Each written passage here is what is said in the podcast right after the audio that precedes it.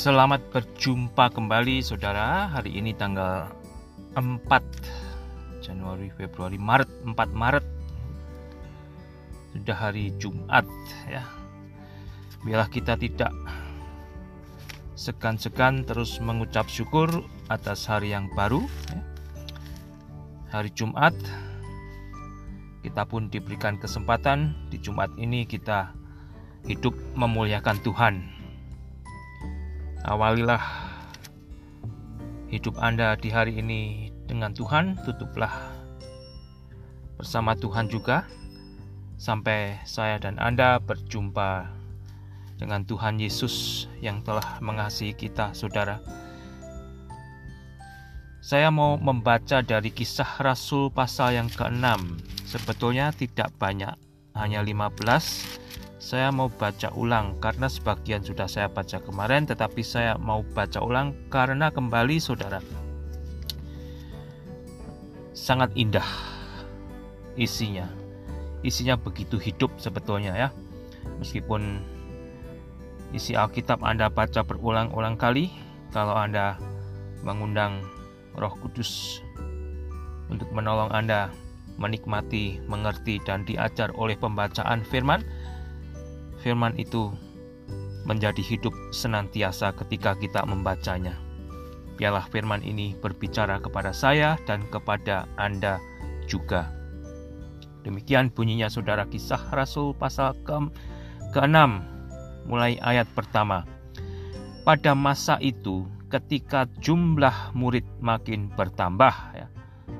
Murid orang Kristen atau dengan kata lain orang Kristen. Orang Kristen itu murid Yesus Saudara ya kalau Anda orang Kristen, Anda adalah murid Yesus. Jadi sebagai orang Kristen, sebagai murid Yesus, tugas kita ya belajar belajar Alkitab, diajar Alkitab ya. Belajar dari Alkitab, diajar dari Alkitab oleh Tuhan sendiri. Kapan kapan lulusnya Saudara? Ya lulusnya nanti kalau saya dan Anda sudah secara muka dengan muka bertemu dengan Tuhan Yesus sendiri. Ya lulusnya kalau saya dan Anda istilahnya sudah mati dari bumi ini itu kita baru lulus sebagai murid Yesus di bumi ini. Dan saat itu juga kita akan bersama-sama Yesus secara langsung menikmati kehidupan bersama Yesus. Jadi kalau Anda sudah jadi Kristen belasan tahun bahkan puluhan tahun ya jadi pendeta 50-60 tahun sudah pensiun, Anda pun masih sebagai murid, sebagai orang Kristen ya, murid Yesus di bumi ini yang tidak selesai belajar dan diajar oleh Tuhan sendiri melalui firman-Nya. Ya, jadi jangan jangan jadi murid yang males Saudara ya. Pada masa itu ketika jumlah murid makin bertambah, timbullah sungut-sungut di antara orang-orang Yahudi yang berbahasa Yunani terhadap orang-orang Ibrani karena pembagian kepada janda-janda mereka diabaikan dalam pelayanan sehari-hari. Tidakkah itu hal yang biasa ya, ketika jumlah daripada jemaat Tuhan bertumbuh tambah banyak berlipat ganda ya. Kalau Anda perhatikan di sini berlipat ganda Saudara. Mulai muncullah per masalahan karena memerlukan ya, tangan-tangan yang lain yang perlu mengambil bagian untuk mengambil bagian di dalam pelayanan. Saudara, Anda mungkin lebih gampang menilai daripada dinilai orang. Artinya, Anda paling gampang menilai kekurangan gereja Anda atau gereja orang lain. Tetapi kalau Anda tidak mau memberikan tangan Anda, hanya bisa menilai kekurangan gereja di mana Anda berada, gereja di mana orang lain berada, itu tidak baik, saudara. Ya, kalau Anda bisa menilai, Anda bisa menghakimi kekurangan, kejelekan gereja Anda atau gereja yang lain tanpa Anda mau memberikan diri untuk mengambil bagian di dalam kekurangan yang Anda tahu tersebut, itu tidak baik sebetulnya. Anda diberi pengertian untuk melihat kekurangan dengan tujuan agar Anda mengambil bagian di dalam kekurangan tersebut. Berhubung dengan itu kedua belas rasul memanggil semua murid berkumpul dan berkata, kami tidak merasa puas karena kami melalaikan firman Allah untuk melayani meja. Pelayanan meja tersebut adalah bagian daripada pengajaran firman Allah ya. Karena itu saudara-saudara pilihlah tujuh orang dari antaramu yang terkenal baik. Ya, jadi kembali persyaratannya saudara yang terkenal baik ya, tidak sembarangan. Ya. Bukan karena kaya atau tidak kaya, bukan karena saya lebih dekat dengan dia atau ya, saya tidak tidak begitu dekat dengan dia, tetapi persyaratannya terkenal baik ya, dikenal secara umum dan yang penuh roh kudus dan hikmat. Itu adalah syarat yang tidak bisa diabaikan ya, bagi mereka dan bagi Anda-Anda yang mengambil bagian di dalam pelayanan kekristenan. Ya. Kalau hanya mengandalkan pengalaman duniawi ya sebagai pemimpin perusahaan besar, sebagai ya, kepala SMA, tetapi tidak dipenuhi oleh roh dan hikmat Tuhan, saudara, kepemimpinan tersebut akan dipengaruhi oleh cara dunia bagaimana dia memimpin pekerjaannya di dunia. Bukan berarti itu jelek, saudara ya. Tetapi dengan dipenuhi dengan Roh Kudus ya, apa yang tidak pada tempatnya yang biasanya dilakukan di dalam pekerjaan dunia tidak akan dibawa kepada pelayanan. Kalau pemimpin di mana Anda berada, saudara, tidak dipenuhi oleh Roh Kudus dan hikmat Tuhan, dipenuhi oleh hikmat kepemimpinan dunia, Anda juga akan merasakan buahnya, ya, merasakan buahnya. Dan sangat sayang ya kalau Anda memilih orang di dalam kepemimpinan rohani tetapi orang tersebut tidak mencintai Tuhan dan bertumbuh di dalam Tuhan. Ya. Hanya merasa dirinya sebagai orang Kristen saja. Ya. Dia perlu mencintai Tuhan, saudara. Dia perlu bertumbuh di dalam pekerjaan Roh Kudus. Sebetulnya pada dasarnya orang Kristen pun sama, saudara kita baik yang berjabatan dan tidak berjabatan di dalam kepengurusan atau pelayanan Kristen, kita pun dipanggil untuk terus bertumbuh kecintaan kita kepada Tuhan Yesus. Ya. Kalau kita terus bertumbuh di dalam kecintaan kita kepada Tuhan Yesus, ya, kita akan terus mengundang Roh Kudus dan kita pasti juga akan merasakan bagaimana Roh Kudus itu bekerja dan merubah kita terus.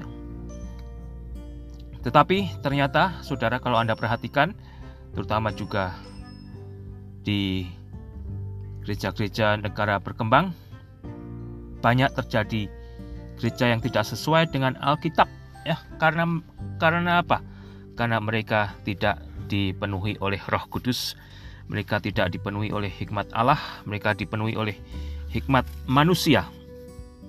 Mereka akan menghalalkan banyak hal mereka tidak akan mengajarkan segala hal yang diajarkan oleh Alkitab. Karena itu saudara-saudara pilihlah tujuh orang dari antaramu yang terkenal baik dan yang penuh roh kudus dan hikmat supaya kami mengangkat mereka untuk tugas itu dan supaya kami sendiri dapat memusatkan pikiran dalam doa dan pelayanan firman. Doa dan pelayanan firman tidak bisa diabaikan doa dan pelayanan firman adalah bagian pokok daripada kehidupan jemaat Tuhan, daripada kehidupan gereja Tuhan. Ya. Firman itu yang membuat gereja itu akan bertumbuh, berkembang, dan berbuah. Ya. Tanpa pelayanan firman, saudara, gereja itu akan menjadi pusat pekerjaan sosial akan menjadi klub sosial, tidak akan lagi menjadi pusat di mana ya, Injil itu terus berjalan dan berkembang, menghasilkan buah keselamatan, menghasilkan ya jemaat baru dari orang-orang yang bertobat. Akan muter terus di situ aja ya. Akan muter terus di situ aja. Bahkan lama-lama justru akan semakin mengecil, semakin kempes dan akan mati hilang. Jadi gereja tidak bisa mengabaikan pelayanan doa dan pelayanan firman. Usul itu diterima baik oleh seluruh jemaat lalu mereka memilih Stefanus seorang yang penuh iman. Stefanus yang dipilih dia penuh iman dan penuh roh kudus. Demikian juga Filipus, Prokorus, Nikator, Timon, Parmenas dan Nikolaus seorang penganut agama Yahudi dari Antioquia. Mereka itu dihadapkan kepada rasul-rasul lalu rasul-rasul itu pun berdoa dan meletakkan tangan di atas mereka Akibatnya apa saudara? Ayat ketujuh, firman Allah makin tersebar. Dan jumlah murid di Yerusalem makin bertambah banyak. Juga sejumlah besar imam menyerahkan diri dan percaya. Padahal mereka menghadapi satu kondisi di mana pemberitaan firman itu menghadapi banyak ancaman, ya, banyak tantangan, bahkan penganiayaan, tetapi mereka melakukan apa yang utama, Tuhan terus menambahkan orang-orang yang bertobat. Jadi sebagai gereja, sebagai jemaat, jangan abaikan hal yang utama. Ayat ke-8, dan Stefanus yang penuh dengan karunia dan kuasa, saudara, mengadakan mujizat-mujizat dan tanda-tanda di antara orang banyak. Stefanus yang penuh dengan karunia dan kuasa roh kudus kembali, karunia dan kuasa Roh Kudus menjadi bagian yang penting bukan hanya mereka yang melayani di dalam pelayanan sebetulnya juga menjadi bagian yang penting dalam diri saya dan diri Anda sebagai orang Kristen ya. Jangan tanggung-tanggung saudara jadi orang Kristen. Ya. Sayang ya. Mintalah agar Anda benar-benar tambah dikuasai, tambah dipenuhi oleh kuasa Roh Kudus. Jadi Anda tidak akan bermain-main dengan dua muka. Ada saatnya Anda bermain-main dengan muka dunia, ada saatnya Anda bermain-main dengan muka kekristenan. Itu sebetulnya pada akhir pada akhirnya akan melelahkan Anda atau saya yang mempraktekkan hal itu. Dan kalau Anda sadar, Saudara, oh, baru Anda menyesal tapi sudah telat gitu istilahnya. Dan Stefanus yang penuh dengan karunia dan kuasa mengadakan mujizat-mujizat dan tanda-tanda di antara orang banyak, tetapi tampillah beberapa orang dari jemaat Yahudi yang disebut jemaat orang Libertini. Anggota-anggota jemaat itu adalah orang-orang dari Kirene dan Alexandria bersama dengan beberapa orang Yahudi dari Kilikia dan dari Asia. Orang-orang itu bersoal jawab dengan Stefanus. Tetapi mereka tidak sanggup melawan hikmat Stefanus dan roh yang mendorong Stefanus berbicara. Ya. Karena Stefanus sendiri telah diisi oleh hikmat Allah dengan kuasa Roh Kudus, Saudara. Ceceran ya, tantangan atau bahkan perkataan yang memonjokkan dia tidak menjadi masalah karena dia menjawab bukan untuk dirinya sendiri, Stefanus menjawab karena Tuhan yang menjawab melalui Stefanus itu yang luar biasa, saudara ya. Lalu mereka menghasut beberapa orang untuk mengatakan kami telah mendengar dia mengucapkan kata-kata hujat terhadap Musa dan Allah. Kembali saudara, ini adalah lagu lama ya. Lagu lama itu yang telah dialami oleh Yesus ya. Yesus sendiri berkata ya, kalau dia dianiaya, murid-muridnya juga kalau dianiaya itu adalah hal yang biasa. Dan di sini, setelah mereka tidak sanggup untuk menjatuhkan Stefanus, akhirnya mereka apa saudara? Mereka menghasut beberapa orang untuk menjadi saksi dusta terhadap Stefanus. Dengan jalan demikian mereka mengadakan suatu gerakan di antara orang-orang banyak serta tua-tua dan ahli-ahli Taurat mereka menyergap Stefanus, menyeretnya, dan membawanya ke hadapan mahkamah agama. Lalu mereka memajukan saksi-saksi palsu berkata, Orang ini terus-menerus mengucapkan perkataan yang menghina tempat kudus ini dan hukum Taurat.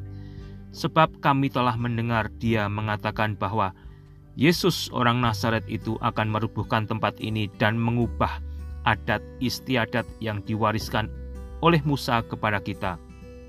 Perhatikan ayat ke-15 saudara, semua orang yang duduk dalam sidang mahkamah agama itu menatap Stefanus lalu mereka melihat muka Stefanus sama seperti muka seorang malaikat. Itulah saudara, kesaksian tentang kehidupan Stefanus yang dipenuhi oleh hikmat Allah dan dipenuhi oleh Roh Kudus.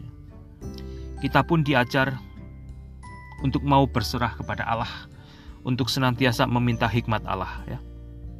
Tuhan sendiri melalui firman-Nya mengajar kepada kita kita untuk selalu meminta hikmat Allah dan Allah akan memberikan dengan cuma-cuma saudara ya.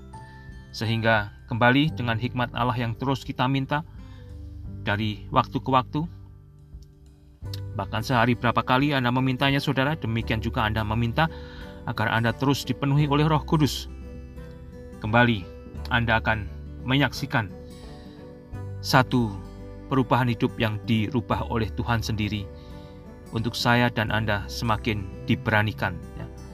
Fungsinya kita dipenuhi oleh hikmat Allah, fungsinya kita dipenuhi oleh Roh Kudus agar kita tambah berani menyaksikan Yesus, ya.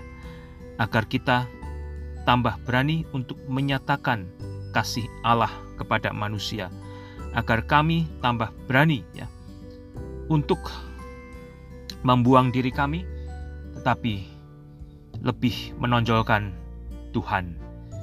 Selamat saudara menikmati kekristenan Anda. Anda dipanggil ya, sebagai orang Kristen kembali bukan hanya untuk diselamatkan, tetapi Anda dipanggil untuk bertumbuh mengenal Tuhan dan Juru Selamat Anda Yesus Kristus, untuk tambah mencintai Dia dengan kecintaan yang bertumbuh, anda juga akan semakin berani menyatakan Yesus.